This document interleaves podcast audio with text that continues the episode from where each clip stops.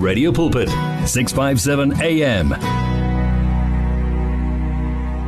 Hey, Mam Clementine, nokuwezwa ingoma idlala ne? Hayi, ngathi Hey. ngathi ungasukuma yazi washaya amabondo, washaya yonke lento. Hey. Ayi. Ah. Uzuyigcina impilo yami. Hey, gcine Jehovah. Amen. Such a prophetic and and in season song. Yes, yes, yes. Gcina impilo zethu Jehovah. Man, let God just look over us and protect us. Be doers of the word with 657 AM. Songs of Life.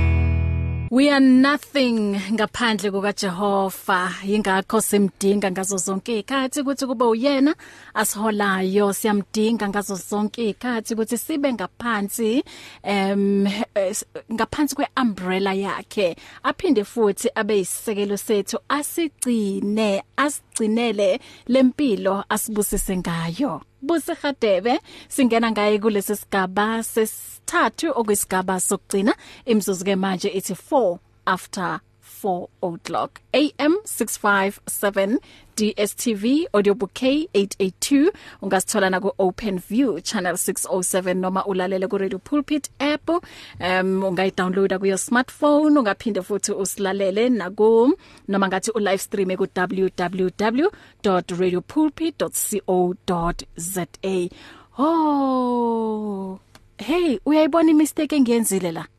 Hm mam Clementine? Wenzeni? Uyazi ama message angenile angenile angenile ama message it's only now Oh my word. siwabona la Mhlambe network. Ah, abantu bebefuna ukukhuluma nosisi Mpho oh Maybe oh. it's the network. Mm, I guess mm, oh Maybe it's the network. I'm Angithi sorry bazalwane I'm sorry bazalwane lemi mes- lema lama WhatsApp wonke lawa ngizomthumelela wona ngizowa WhatsApp ngizom forwardela wona em umpho ha hey ay kodwa ke akusenani. 5 after um 4 o'clock njoba ke sisingena kulesi sigaba sokugcina uyazi lapho ke singena khona kwi discussion yethu yosuku. Ngikanye ke nomam Clementine Musimani eh aw- awuseseyiyona i-guest la um Mam Clementine. Eh uyi- uyingxenye yalomdeni um ngoba uh, loku uyafika nje uyafika nje. And ukufika kwakho uyazi ufika ngokumnandi. And into engiyithandayo ukuthi yazi lokudla osiphathela kona ne? Eh. awukuphathi ngesikhathini se-ice cream ukuphatha nge-Tupperware. Hey wena. yabona u- ukudla nje okubalekile lokho Siyakwamukela sawubona Sabona sis bahle ngiyabonga ukuthi ngibe lana ngiyabonga ukuthi unginvite sanibonani balaleli dumelang baretsi dumelang bamamedi e bana ba modimo ya Amen. ke a leboha re Amen. le nkamohele Ay sizojula ngempela ezwini um until 5 o'clock. Kanti ke kule ntambama eh siqala ke kusikule Sunday yokuqala kulenyanga kaMarch and then sizoqhubeka nawe inyanga yonke. Until 28 March. Um namuhla ke sithe masihla- mesihlanganisa amakhanda sathi asikhulume le ndaba ikakhulukazi njoba siku hey uyazi i-confusion iningwa manje emabandleni kunezinto eziningi ezenzakalayo kunezinkulumo eziningi. And njoba eh, nakuma social media uyezwa kuyakhulunywa ukuthi hey ngathi kulwisana namabandla uyazi nje kuningi okwenzakalayo. So today siyabuzana ke sithi where are we as the church today? And indaba yethu sithatha la encwadini ka eh, Matthew 25 verse 1 okuyi parable le ekhuluma ngalama eh, uh, 10 visions. Asingene ku- kule ndaba yethu mam Clementine. Sibuka ukuthi ngabe uma be izwe likhuluma kanje nathi siyibandla sikhuluma the same language yini? Ngabe siyibandla sisaholwa umoya ongcwele yini? Amen. Asindlale ngicela ubabingelele emakhaya ngaphambi kokuthi siqhubeke. Dumela ngomahayeng sanibonani emakhaya. Engiyanthanda hey ngiyanthanda ngiyanthanda body of Christ. Ya sisenzi kunezenzima matsatsi abuyima dina koketse buyima kodwa ngithanda ukuthi sisibahle siqale la our language has to be in line. Yeah. Nezwi likaNkuluNkulu. Number 1 thina. Abaya endlini kaJehova. We are the church. You are the church i'm the church. Yeah. You might I might be the small finger you might be the big finger but we are the church. Re kopanela ko tlung ya Jehova. Yeah. Number 1 so really jwalo we have to understand hore lentswe la modimo le phela ko rona le dula ko rona. Masia in the book of genesis before siya kuphi uthi calling his council let us make men in our image mm. and our likeness. That li- likeness is the character of god. And god Jesus Christ and the Holy Spirit they are never out of character. Mm. but Tina as the ch- church we find ourselves most of the time mm. out of character mm. kukhona la simesa khona now when we go to the book of Matthew chapter 25 from verses 1 mm. makafundeka athi then there are these 10 virgins abanye bane oil abanye bana oil mm. so it is talking about the church yeah and the oil in here is the holy spirit mm. njengoba soyiqalile ukuthi ingabe ibandla mina nawe as the church sisam hoya yini umoya oyingcwele? Mm -hmm. do we still give attention to the holy spirit? Yeah. Do we still listen to the holy spirit? As much as the world is in so much confusion. And as the body of Christ the question is are we speaking lenkulumo ekhulunywa yizwe? Yeah. Noma mm. sihleli? Ezweni likaNkuluNkulu mm. we've got promises that God has made in the book mm. in the bible mm. uthi i shall never leave you nor forsake you Mm. aphinde athi ningithembe yeah simthembile yini na hey and uh, i think also as the church ikhona i- i- i- i- i- la sibhayisa khona where si refer uthola ukuthi some of us we refer to umoya oyingcwele like an it. Kanti umoya oyingcwele uNkulunkulu umoya oyingcwele. Oyingcwele, that's why we have God the Father God the Son and God the Holy Spirit. So lo nkulunkulu moya oyingcwele uJesu in the book of Acts uthi kubafundi bakhe mabasambuza imibuzo uthi kibo hlalani eJerusalema mm. and receive the gift of the Holy Spirit. Yeah. Lo lo nkulunkulu moya oyingcwele uyena ozosihola he's going to be guiding mm. us mm. he's going mm. to be teaching us he communicates back masimupha ithuba lokuthi aphendule yeah but the question is as the church today siyamoya yini na mm. siyamnikeza indawo yakhe yini na mm. do we have do we go into dialogue into communication nomoya ingcwele hmm. do we do that do we give him a chance ukuthi asiphendule na because surely ayikho into ayimesayo mm. because his character that's why Christ uJesu weza emhlabeni ukuthi azobona ukuthi kahle kahle yini inkinga yomuntu noNkulunkulu And after he has sinned, he went to the cross. Wabethelelwa. After ebethelelwe, after the 40 days, the Holy Spirit came. That's why he says to his disciples, do not leave Jerusalem. Hlalani. So this message it is still relevant even today to the church ukuthi ningashiyi indawo zenu la nikhona namhlanje hlalani ngoba this gift is still with you Yeah. this gift is still there mm. this gift usakhuluma uyayibona go into dialogue naye uzokuphendula uzokhola he will prophesy to you about things to come mm. he will give you direction mm. he will give you guidance Wow. and today we find the church ukuthi the church iyangabaza mm. Ibandla liyaqhuka. Mm. si si si si si si- si- si- sifuna ama vaccine si si- siyatatazela. Sengathi we don't know who this god is that we are serving. Mm. we don't know who this trinity is that we are serving. Ngathi asimethembi ngokwanele. Ngathi asimethembe ngokwanele. And uthi zonke izinto zalomhlaba zawushabalala kepha izwi lakhe lohlala limile kunaphakade. And you ask yourself ukuthi is the church today still standing on the promises of God? Are we still trusting in this God that we are saying it's God seated on the throne? Mm. are we still trusting in this God esithi he is the creator of heaven and earth and the creator of men. Ingabe ra motshepa na modimo o re buang ka yena na? Do we believe hore the rapture is coming? Mm. today re tswa ke di vaccines ba ne di na le di 666 and re na le mangwalo in the bible. Incwadi ezisitshela ukuthi until Jesus Christ bows out and he hands over in the book of Thessalonians first the second Thessalonians mm. akuna triple six azofika akuna antichrist that will sit on the throne because Jesus Christ has to give him permission mm.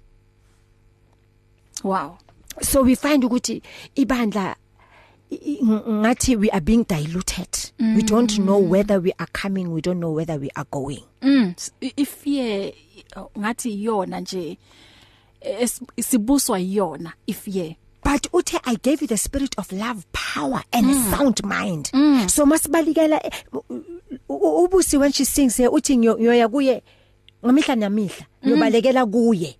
And i'm going to say to him ngifihle egazini lika Kristu amen. Ngifihle esandleni sakho because isandla sakho sifinyele and god is there to protect us. Mm. life and death is in the power of the tongue. What language are we speaking at this point in time as the church? Mm. re bua pulelo efe? Re bitsa ho mang? Re tshepile ho mang? That's the question today. Mm. o tshepetse ho mang? The 10 virgins bana le oil ya moyo halalelang.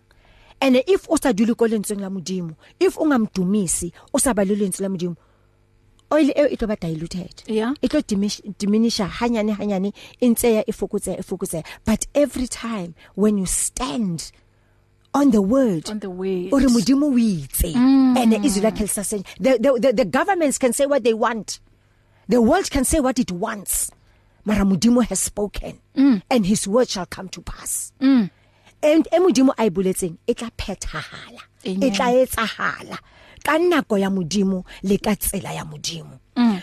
you know when you go when you go to to the book of Matthew chapter 24 e bua ka the end times mm.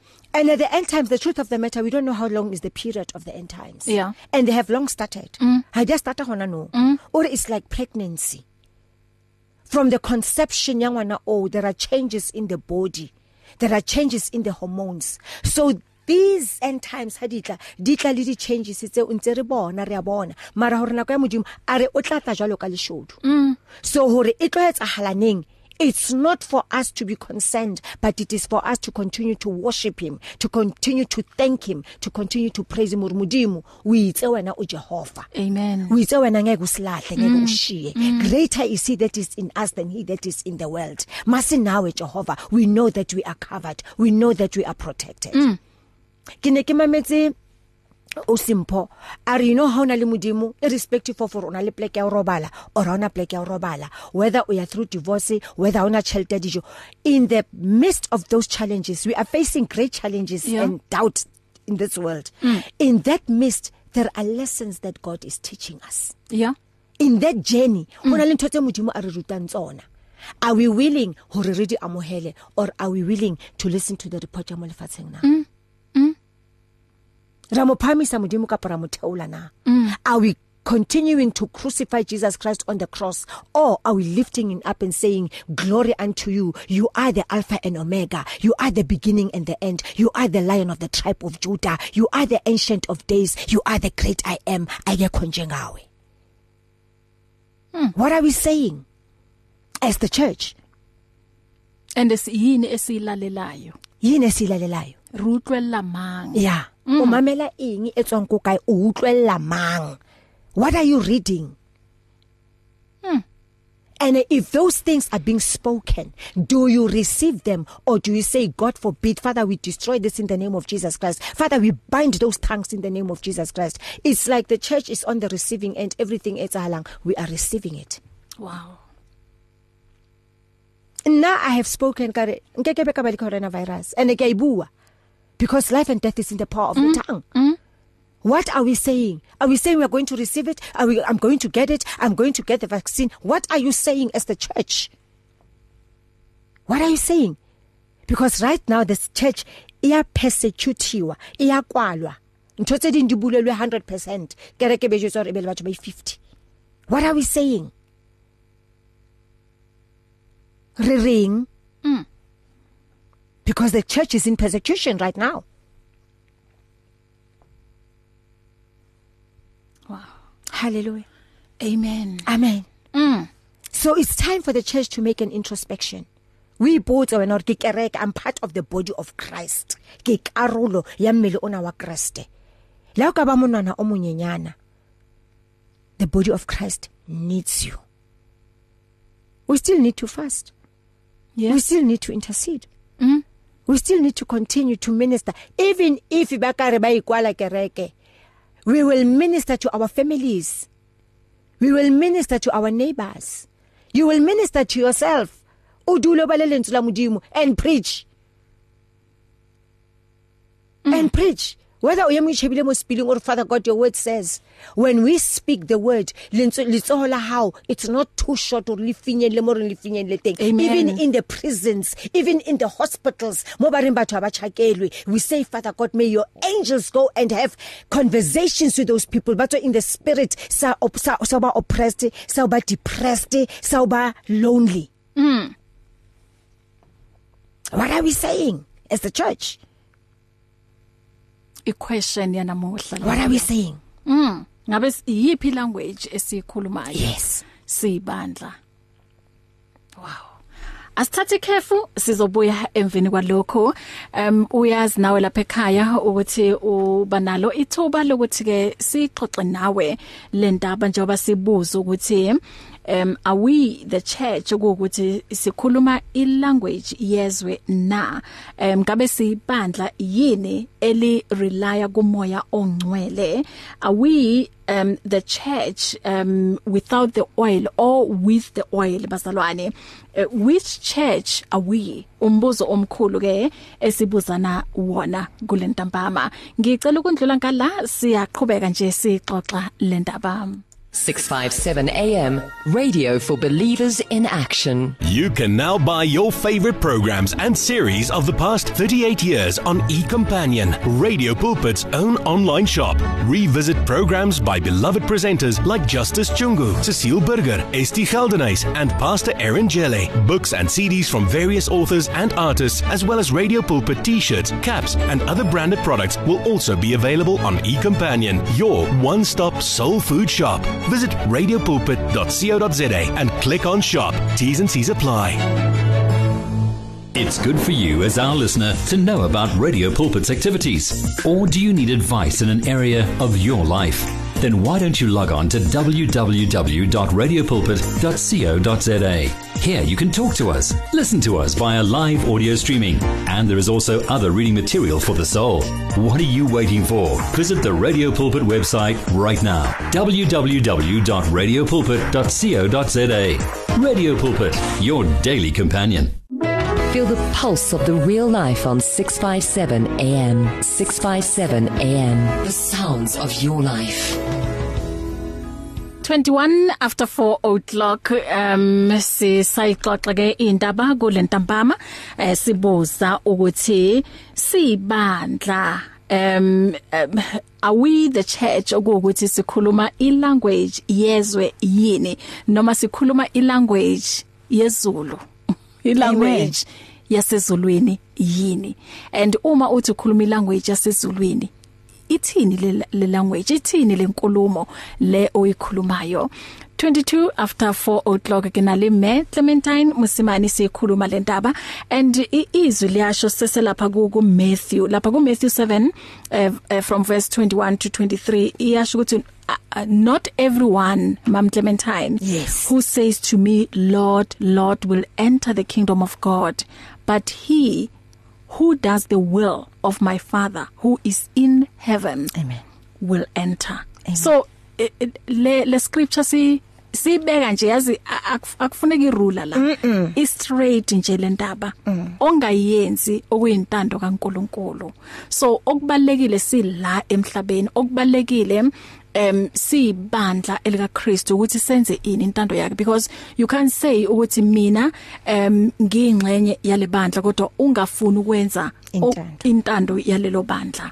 So ingakho sibuza ke kulentambama ukuthi sibandla sikhuluma iphi ilanguage? Amen. Mm. Ibandla lika Kristu ibandla lika bolela polelo e efeng feng yes. Re a dumela mm. a re dumele are we faithful or are we unfaithful? Yes. Are we willing to do the will of God or do we want to do our own will? Mm. la o ka ba thata jwang? O re ntshepe a re trust in me. Amen. I am God. Amen. And re ska lebala re ntho tse ding even though modimo a re ntshepe we are going through a challenge. Mm. that challenge will take some time for one of us and for omongwe it will just come quickly. Mm. because also it depends hore what hurdles must you jump over Yes. ke di hurdles tse feng tse modimo tlamehile hore a di tlose bona a di suthise mm. in order for hore karabo ya hao e fihle mm. it's not easy ha re ho easy yes mara ubambelele kuphi Mhm. are you holding on to the hem of his garment mm. are you holding on to the word of god are you holding on to the world because are if what's a thato ya lefatshe mm. then you are not part of his kingdom. Mm. It means then you are not part of the church with the oil. Nazi incingo ziyangena. Ake sizwe lapha emakhaya ukuthi bathini ngalendaba sawubona usemoyeni? Sanibona sisibahle njani? siyaphila baba wena njani? Siyaphila siyaphila. ubrother anonymous lo ukhulumayo lapha ma. siyakwamukela baba. Yeah, yeah, bengicela ukubuza okuthize regarding the will of God ne ngoba nje kukhona okuthize nje okungicukuluza emoyeni wami. Ngazi mhlambe mhlambe nginenkinga mhlambe angifuni kuyiadmit mhlambe nginayo kuyidenial or into enjalo. Bengicela ukubuza u- iwill kaNkuluNkulu na ukuthi la e- la emhlabeni wethu namely South Africa sibe nabantu abaningi bokufika abangaka? Because mawungathi yabheka abanye bethu bayahlukumezeka ngepresence yabo abantu bokufika. Not ukuthi bonke babi noma into enjalo but nje ukuba baningi ngendlela e e- e- e- e- e- ethe uku- ukudlula kangaka. Mm. iyasihlukumeza leyo nto isihlukumeza ngokuthi uma ungathi uyabheka nakuma restaurants sekuyibo kuphela manje abasebenzayo abantu bakithi sebesebenza ngengcosana ezikolweni manje sekugcwala abantwana bakhona eh kunyuvesi mawungathi uyabheka nabo sebagcwala nakhona. Indawo nje eziningi ngisho nendawo zokusebenza kuma government departments sekuba njalo and okunye uthola ukuthi masesikhona lapha seabantu basemzansi thina sesiyachukuluza so bengicela ukwazi ukuthi mhlambe iwill kaNkuluNkulu na ukuthi kube njalo na as part of i-end times le esikhuluma ngayo manje? Mm. Bengicela ukubuza nje ngizolalela hayi ku radio emsakazweni. okay siyabonga Siyabonga. kakhulu. Anonymous Right, ngombuzo wakho sizobuyela kuona Bye-bye. um thank you. Asiye la futhi sawubona usemoyeni? Sizi. Ewe ewe tata. Ah ay, Mm.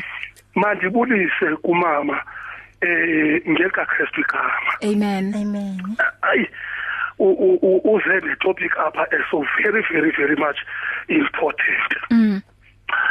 Yazi nge- ngela xesha athi uThixo wa- wabasikelela ke uThixo so iGenesis chapter 1 verse 28 yes uh, meaning that wa- wabapha mama umoya oyingcwele now do do we- have i-pictures bahle ye- yemoto ene disc mm. So i- i-disc e-right and at the same time do we have imoto e- e- e- e- e- eyoxuthelwe i-disc ngamapolisa. Mhm Eh, meaning that ibandla uma loxuthelwe i-disc kukuphela ivelu kuloo moto. Mm. Or if ukuyibone imoto uma ingena battery zonke i-systems ziyawa. So what is happening now? Kukwazi intombi zilishumi now zikhona ezizine disk ngamanye amagama sinomoya oyingcwele. Now noxa zikhona ezinhlanu zikwazi virgin meaning that zikwalapha enkonzweni but unfortunately azinayo idisk. Mm. Eh? Asinaye umoya oyingcwele. That is what is happening today mm. now kwinkonzo e, esithi apho mama umzekelo into zethu zonke seyinkonzo zesi-educational mm. yonke into yethu i-psychological kanti sibahle ukwamkela ubabalo lukamoya oyingcwele alufuni jesi and mama ayifuni matric into akwathixo and ayifuni diploma na degree meaning that ayibhatalelwa. Le confusion uyibona apha phandle apha ibangelwa yiloo nto because ngoku ukuze ube unezwi likathixo bheka esikolweni. Of which ayinjalongo ayinjalongo yeah indaba kamoya oyingcwele ayihlalelwa disikeni so that's why kuthe kwabe kufike icovid bebesithi amakholwa ngo54 sevinyishayo ethi phaya nali imisele enokulolelwa abangcwele bakathixo nophumela besisho amakholwa. But why ngoku ithi kwawulolwa isele noma lilolwe ngumshosi or lilolwe nguthixo but alikakulolelwa abangcwele bakathixo. Kwatheni lento sibahle abantu xa bebethe uyehova malusi wami bebalekela kwisanitizer nezimali nemask why amakholwa elinde ivaccine? What is the main function of holy spirit in me and in you? Yintoni umsebenzi xa ekholwa lizawulinda ivaccine? Uthixo mama omkhulu kangaka enziwe mcinci ngesimuku so i-reliance yethu okanye i-dependency yethu so simamele zonke ezi information. Because mama akukho nto abantu abayithanda njengemfundo. And mama imfundo without god has misled millions and billions of people worldwide. So uma ndiyeka imfundo engena thixo. Now we end up simisa scientists as god. Yeah? Mm mm simisa iscientist njengothixo. Now uzuko emembalibeni ukuthixo now xa icovid ivele noba ivela kuthixo ibe ngohlakubalekela kuthixo. Why sibalekela kwizimuku so sibalekela kwiscience seyikhunyuswa lento sibahle xa ndizawubeka sithi zii-check ups i-check up mama kukuvumisa intshosa lakho sibaleka emagqirheni uba sibaleka amagqirha uba mawangavumisi sabaleka umzekelo isanitizer ukutshisa sothi usanitize kukuqhila kuchisa inkosa mama egqibeza ukuthi mama inkonzo xa namhlanje sivelile sidulile sivelile sidulile awukwazi ukuthi uyinceku kathixo ufuna isanitizer. What is the main function of sanitizer kuwe? Njengekho what is the main function of mask? Why do you wear a mask? Ulikholwa having holy spirit in you? And how can you how can you get confused? Hmm? having god? Yini this precious wonderful and beautiful god in you. How can you be confused? Uthi uthi confused yeah? Ile covid yeah? Uthi uthi depressed udepressed njani umoya ngcwele khona kuwe enguthixo akakho akango ithi nguye akango ithi kodwa nguye ungumuntu unguthixo uqobo. Mama i thank you man very much. Mm. god bless you. Enkosi enkosi god bless you mfundisi bangani Wow, sikhuluma um where are we as the church today? Umbuzo ke esibuzana wona ku lentambama um kune message lana uthi Molweni family it's been a while. Um uthi I, I would like to give God all the glory. Uthi ngomhla ka 6 December our home burned to ashes we give almighty the praise. No one was in injured but we lost everything um ke me baby from Cocartonville ah si eh siyambonga uJehova ukuthi angcine Amen. um mam baby. Amen me baby. Ngithanda ukuthi kuwe mme wa ka modimo ke modimo modimo o bonetse ko pele a Yeah. tseba hore ho tlo hlaha eng? Mm. aba a protecta maphelo ao. O bile jobo. Mm. and God will replace those things. Hararo jalo ka ka a di entse ka jobo God will do them for you. Continue to praise him. Continue to call his name and say modimo o modimo ke leboha mephefumulo e o iphulusitseng hobane e le modimo. Modimo a be le wena mme wa ka and those blessings are coming multiplied. Mm. Are khutlele he kotabeng ya ntate first caller. Mm. o naputsisa hore is it a will of god? Hore batho ba hlahang ka diplekeng tsa kantle and then ba tle ka mo are yena ho ya ka yena o bona ka re hona le dintho tse ngata tse ba ba tse ba ba mo sitisang ho tsona.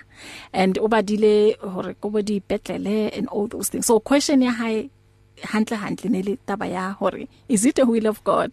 Hore batle ka mona.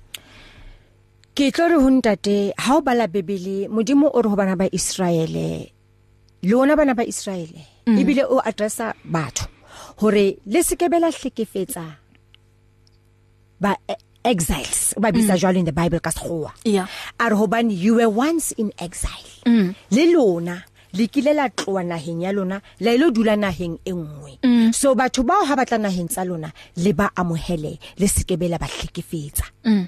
hobane thato ke ya modimo motho kwa modimo Mm. and haibaneneng re sa rapele ka nnete re sa eme ka nnete modimo o re if you do not know me and do my will foreigners will come and take over your land mm. it's in the bible mm. are they will come and take over your land mm. so that's why ke re re kereke efe yeah because if really kereke o ya rapelang then if you pray god will open a door for you.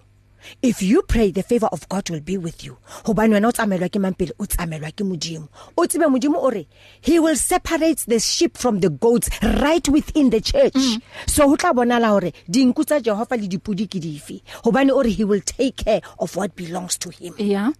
And these are the end times. Yes. Mm. so in the end times are you the goat or are you the sheep? Mm. are you the church with the oil?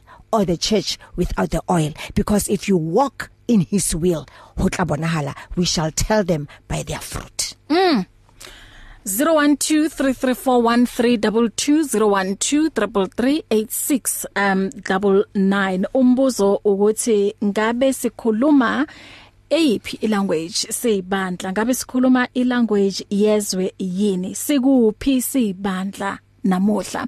Ikakhulukazi kulesi sikhathi esibhekane naso em njengoba ke em kukhona uh, virus okuwukuthi ihlasele sikuphi thina sibandla em cela silalele nansi i voice note lana eh sizokuthi ke uthini ukhalimambo?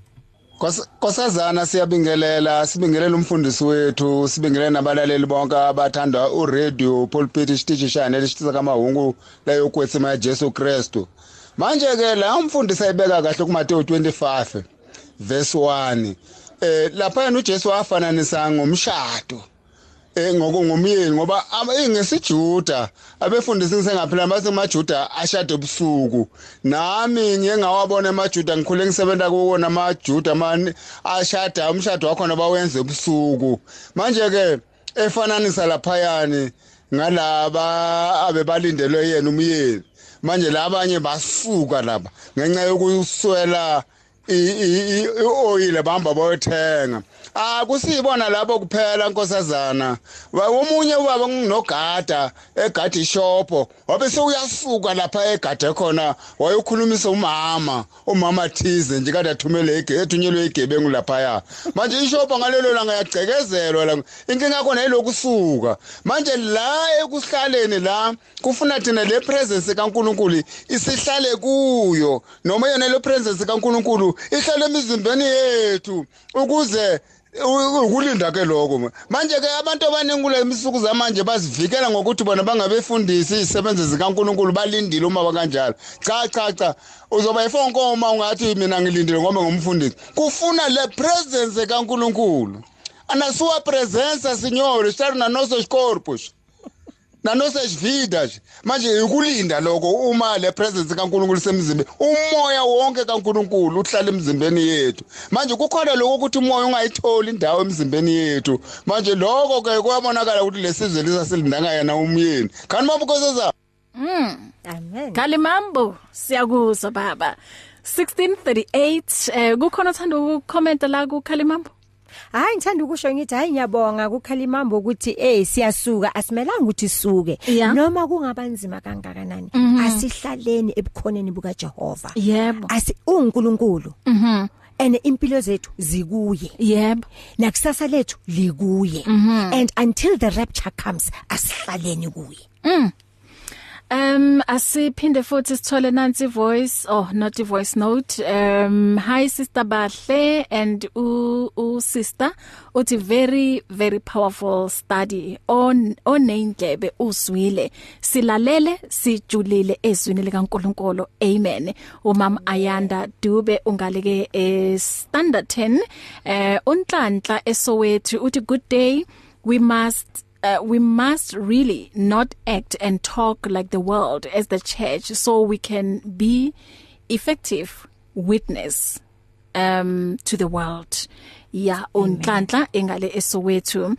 May i please have scripture that says israelites must accept the exiles? Kitla sirumela yes. Mhm I- I- yes yes i will send it. Mhm yeah. Okay asiye la ku Facebook um sibone um comments esinawo lana. Um okay okay okay asina lutho la ku Facebook 0123341322 asixoxeni bazalwane um lendaba ukuthi sibandla sikuphi namuhla? Ngabe sibandla um okuwukuthi si rely on a holy spirit o sibandla okuwukuthi um um si uh, siyibandla without the oil or siyibandla um with the oil yini? Sikuphi siyibandla 0123341322 usemoyeni sawubona? Hayi sibahle. Tata. Is really nyani lento kuthiwa interesting topic. Mm. Hayi mama nje ngo- ngo- ngokubonakalayo mama. Eh ndi- ndibona ngela xesha lika Noah mm.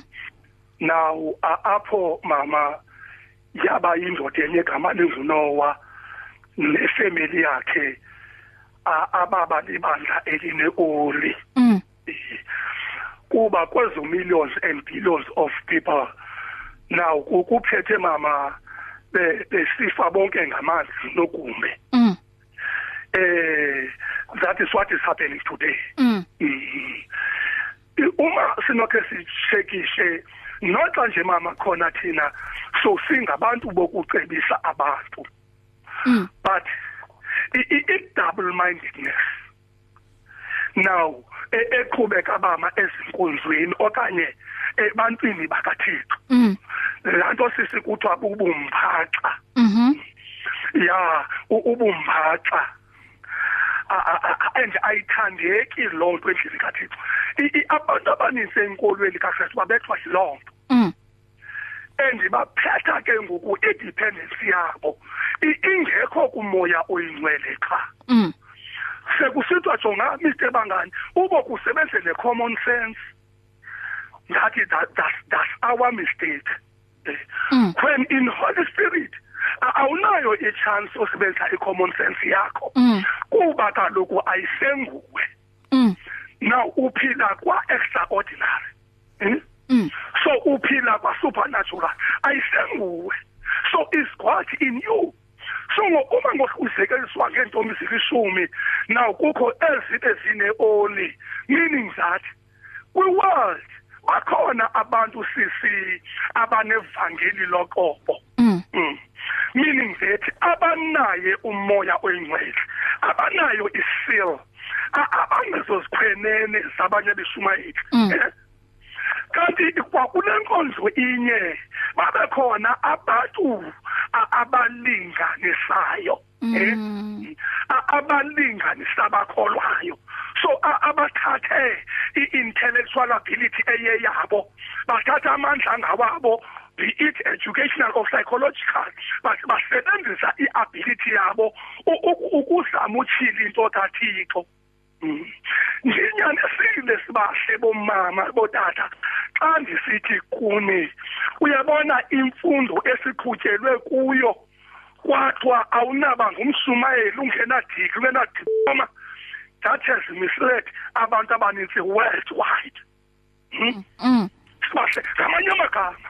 Ubabalo olungumoya oyingcwele okanye isiphiwo esingumoya oyingcwele mm. asiyelwa sikole and that's why uyiphonto uba i-content unayo uba ngale i-content ibhayibhile but umakwasam oh ngunikodimo lo. Yeah so uh, ngunikodimo lo.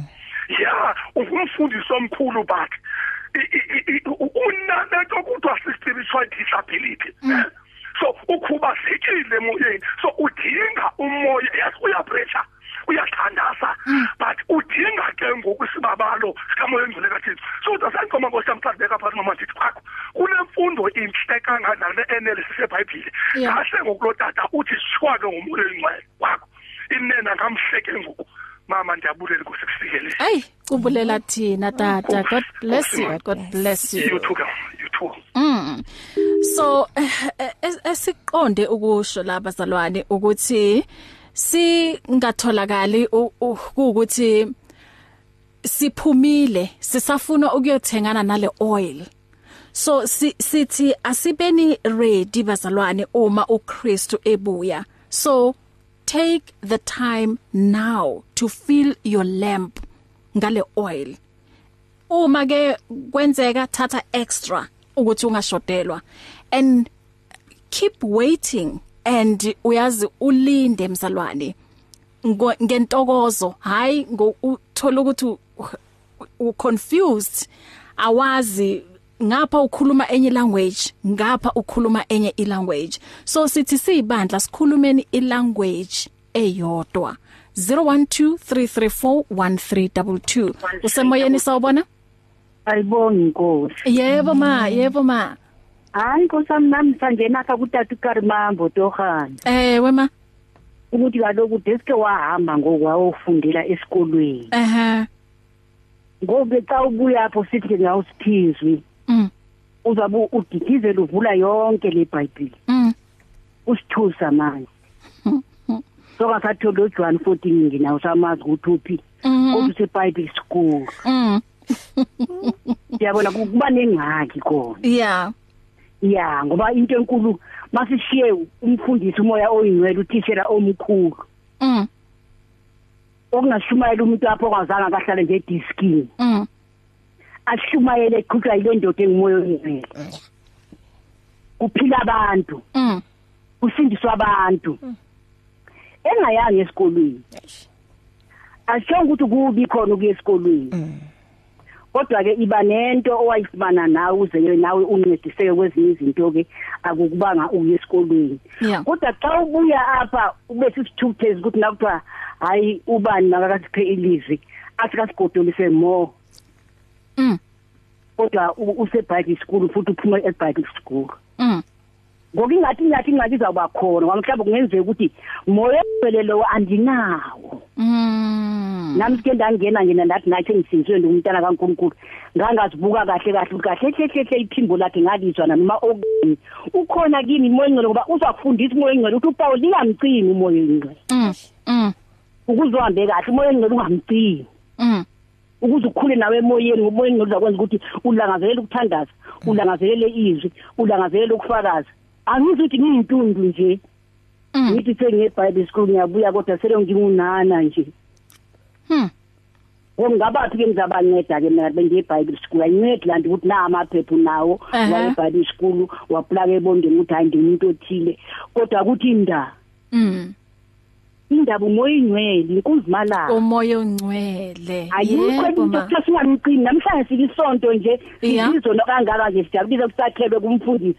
Kungoba sinamoya engcwele futhi noma usindiswanga awusabonakali ngoba manje sekuyisonto manje. mm mm yikho kumuzwa omnye umfundisi uthi uzwa la mfundisi uzumlandele nobe sedebheni u- uthi uyomamela la mfundisi. Mm.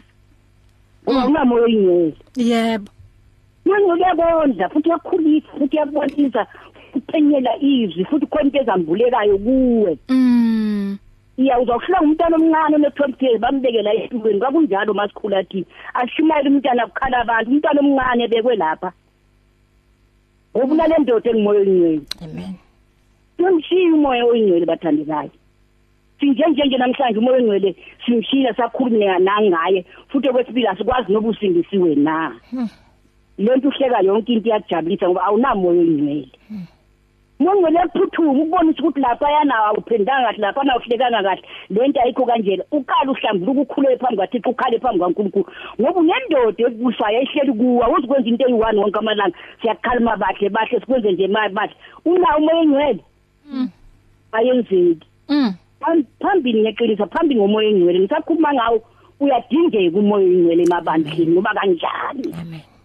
Amen ayibonge Nkosi Ayibonga inkosi Amen. siyabonga Amen. siyabonga ma bless you amen mama amen Mm. Asithole la i voice note eh, sizokuthi uthini umlaleli Sisi sibahle ndiyabulisa nomama lo uhleli naye apho. Ey kumandi umamela. Nitsho kamnandi. But ndicela u- u- uva uunderstanda utata lo ebekhe wamentiona into yoba abefundisi banxiba imaski akumelanga banxibe imaski at this time. I'm confused kwi andimva kakuhle because ungangayinxiba imask because ubelieve uba wena uyakholwa izinto zemask zezinto ezingekhoyo. But ke ngoku kunezindawo zinemiqathango ukuthi akungenwa. Kuthiwa ungena eshop awungena emall awungena ebhenki without imask A- a- andazi noba ndimve kakuhle naxa isithi akumelanga banxibe iimaski. Uminisho ukuthi bangazinxibi at all or else bayazinxiba ngolunye uhlobo. Andivanga kakuhle sesisibahle uxolo wethu ngusiso ecape town. Eh sizowi ngiyabulela mama. Um I I I guess umfundisi bangani ne? Obekhuluma indaba ye ye mask. Umfundisi bangani na umbuzo eh baba ubhekiswe kuwena. Oh mam Clementine mhlawumbe uthanda ucomment kuyona le ndaba? Sisibahle nomam Zoe I think ubaba he's saying ukuthi but by the way the Bible says ama government akhona simele ukuthi siwahloniphe. Mhm. And noma bepha umthetho we have to follow through. Kodwa mase sikhuluma ngebandla I think ubaba uthi as the church hayi ukuthi singafaka ama mask but as much as kuza izindaba ezinje what are we doing as the church? Do we just receive? Okanye siya edolweni sithi baba sicela ukuthi lento mayidlule. Because kuba sengathi at times ibandla liya relaxa and then everything is just coming as it is. Umthetho umthetho. We have to abide by the law. But as the church siyazi ukuthi kumele ukuthi sibalekele kuphi. Yebo. siyazi ukuthi kumele ukuthi sibhidlize kuphi. Siyazi ukuthi simele ukuthi siyovimba kuphi. Ngomkhuleko sibiza kubaba uNkulunkulu uJehova. Amen. Amen. Mm. Um asizwe la ku Justus Emeya 10 uthi afternoon radio pulpit. It is very co concerning that many in the church could say um the things they are saying about the COVID-19 there are diseases and pandemic in the world today because of the original sin mm. in the garden of Eden that still stands despite victory at Golgotha. If the victory cancelled the original sin we inherited then we would live forever. For example Paul was stoned and left for dead. Later he was killed. Um he went through many troubles. So will we. He had the holy spirit. He saw heaven. Many brethren got sick and die though they didn't speak bad we are not god. We remain immortal. Amen. Mm. it's true we are not god. And it's true that god says there will be incurable diseases yeah. as the as time goes by in mm. the end times. Mm. but as the church we are talking about are we a church that is living by the holy spirit mm. or without the holy spirit mm. are we are we are, by so saying we're not saying we don't take precaution Yes. but we are saying ukholo lwethu lukuphi mm. do we stand as a church do i say father god in the name of jesus christ Yeah. cover us under the blood of jesus christ mm. Mm. noma kuthi sifaka ama mask kodwa nasi isimo we cancel it in the name of jesus christ your word did say my god ukuthi kuzoba nezifo ezinje kodwa mina nomndeni wami me as part of the church mm. i am praying ukuthi god cover me in jesus name let not disease uthi ku psalm 91 uthi these diseases will come. Things will happen. But wena because uhleli kuye ngezwi wena ngoba ubiza umoya oyingcwele things they will just happen. You will just look and see. Kodwa ngeke zithinte umzi wakho and ngeke zithinte nawe. Mm. that's what the word of god says.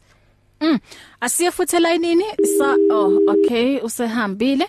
Asithemba ukuthi uz- okay usesekhona la. Sawubona usemoyeni? hey sibahlenga lo mzuzu Oh ndiyabulela ukuthi ubuyile hayi. yazi u- u- u- yazi ukulomcimbi wemaster kusengcono ikhona i- into ezakuza mama e- e- ekuza unyanzeleka ukuba siyaphele now ku- kungazuvumela kubangena eshophini now ungena yongo so imask lena iseyintshayelelo uyaqonda apho mama ndiyakho la ndithi umzekelo u- u- ukuhlamba ngale sanitizer because mna njengumntwana kahlitho ndoyika icovid uyaqonda? Na ukunxiba le mask because ndoyika icovid uyaqonda? So sesinye istory eso naxa uzawufaka le mask kuba ufuna uthenga loo nto evenkileni. Kodwa nalapho mama iyafuna ke siqwalasele sibahle. Now i- indaba yokuthotyelwa ku- kwamagunya uyaqonda?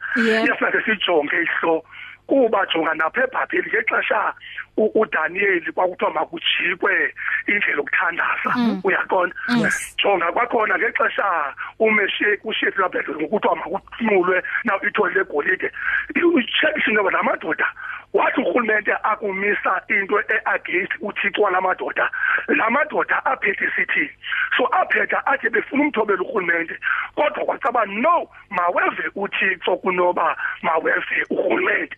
Into ngamanye amagama sibahle umzekelo siredi ukumamela urhulumente. Kodwa ke mama mnothi kwinto yonke. Le mask mama iyafaka ipaka ngenesinto but yona afuneka si- simasiqwalasele into yoba ikhona into esa- esa-enforcewa kwelakhe ivaccine. Ingaba singamakholwa. Xa kuthiwa awuzungena kule shop ungavaccinatewanga what are we expected to do? Sinomoya ingcwele kathixo. U- uma ungena ungena mhlambe kwamantshi nakwephi neshop ungenaso icertificate sevaccine kulile masithini kuza mama ingxaki ezinjalo ezingeyo mask ekuzawufuneke ngento yoba sibone uba oh imask ibiyitshayelelo. Kanjokolo hlala kwinto yoba awuzuthengisa and awuzuvunyelwa bathenga ungenayo le mask six mama ke ndiyabulela Ay ndiyabulela. Sithemba ukuthi usezowu em u- uphendulekile emfundisi bangani. U- u- uba mama uyifaka umfundisi ngokoyika i-covid la mask ndilenza ngokholo lwakhe. Uba uhlamba izandla ngesanitizer because woyika woyika i-covid es- espiritual eliwa ngoholy spirit. Hayi ndaba lengxaki yinceko njengaleyo mama ndiyabulela ukuze kufikelele. Mina ngikuzwa kahle. Amen. yes. Danke, danke. bless you ma. Ya umfundisi bangani uyibeka kahle mam Clementine ukuthi Yeah. uma uzoyiqoka uzoyiqoka ngoba une fear or uyigqoka ngoba u- wenza umthetho. Yeah. yebo yeah yes okay Amen. 012334 sinemizuzu emingaki asithi plus minus 2 minutes. Asithathi ama calls ku WhatsApp bazalwani ngiyabona umunye uyashaya la. Inamba ke sithatha kuyona ama calls it's only 0123341322 um sawubona Dumela usemoyeni? Ah siyabona phasa bahle njani? No siphilile baba wena unjani? No so right man. Amen. Ya indaba ye mask thina asosabi covid. Kuphela si obey umthetho. Mhm uthi uNkulunkulu masibathi thobele abasemagunyeni yep it's not this that's so it ukufa thina. Mm. Hayi khona. Yeah. Ayihambi kanjalo sithobela umthetho. Umthetho yebo. Ya nabanye abantu abaduze nathi. Mhm ba abasiqondi kakuhle ukuthi sinjani. Mhm ukuthi banguyiki mhm iyaba kanjalo la nto le. Hayi uyavakala tata.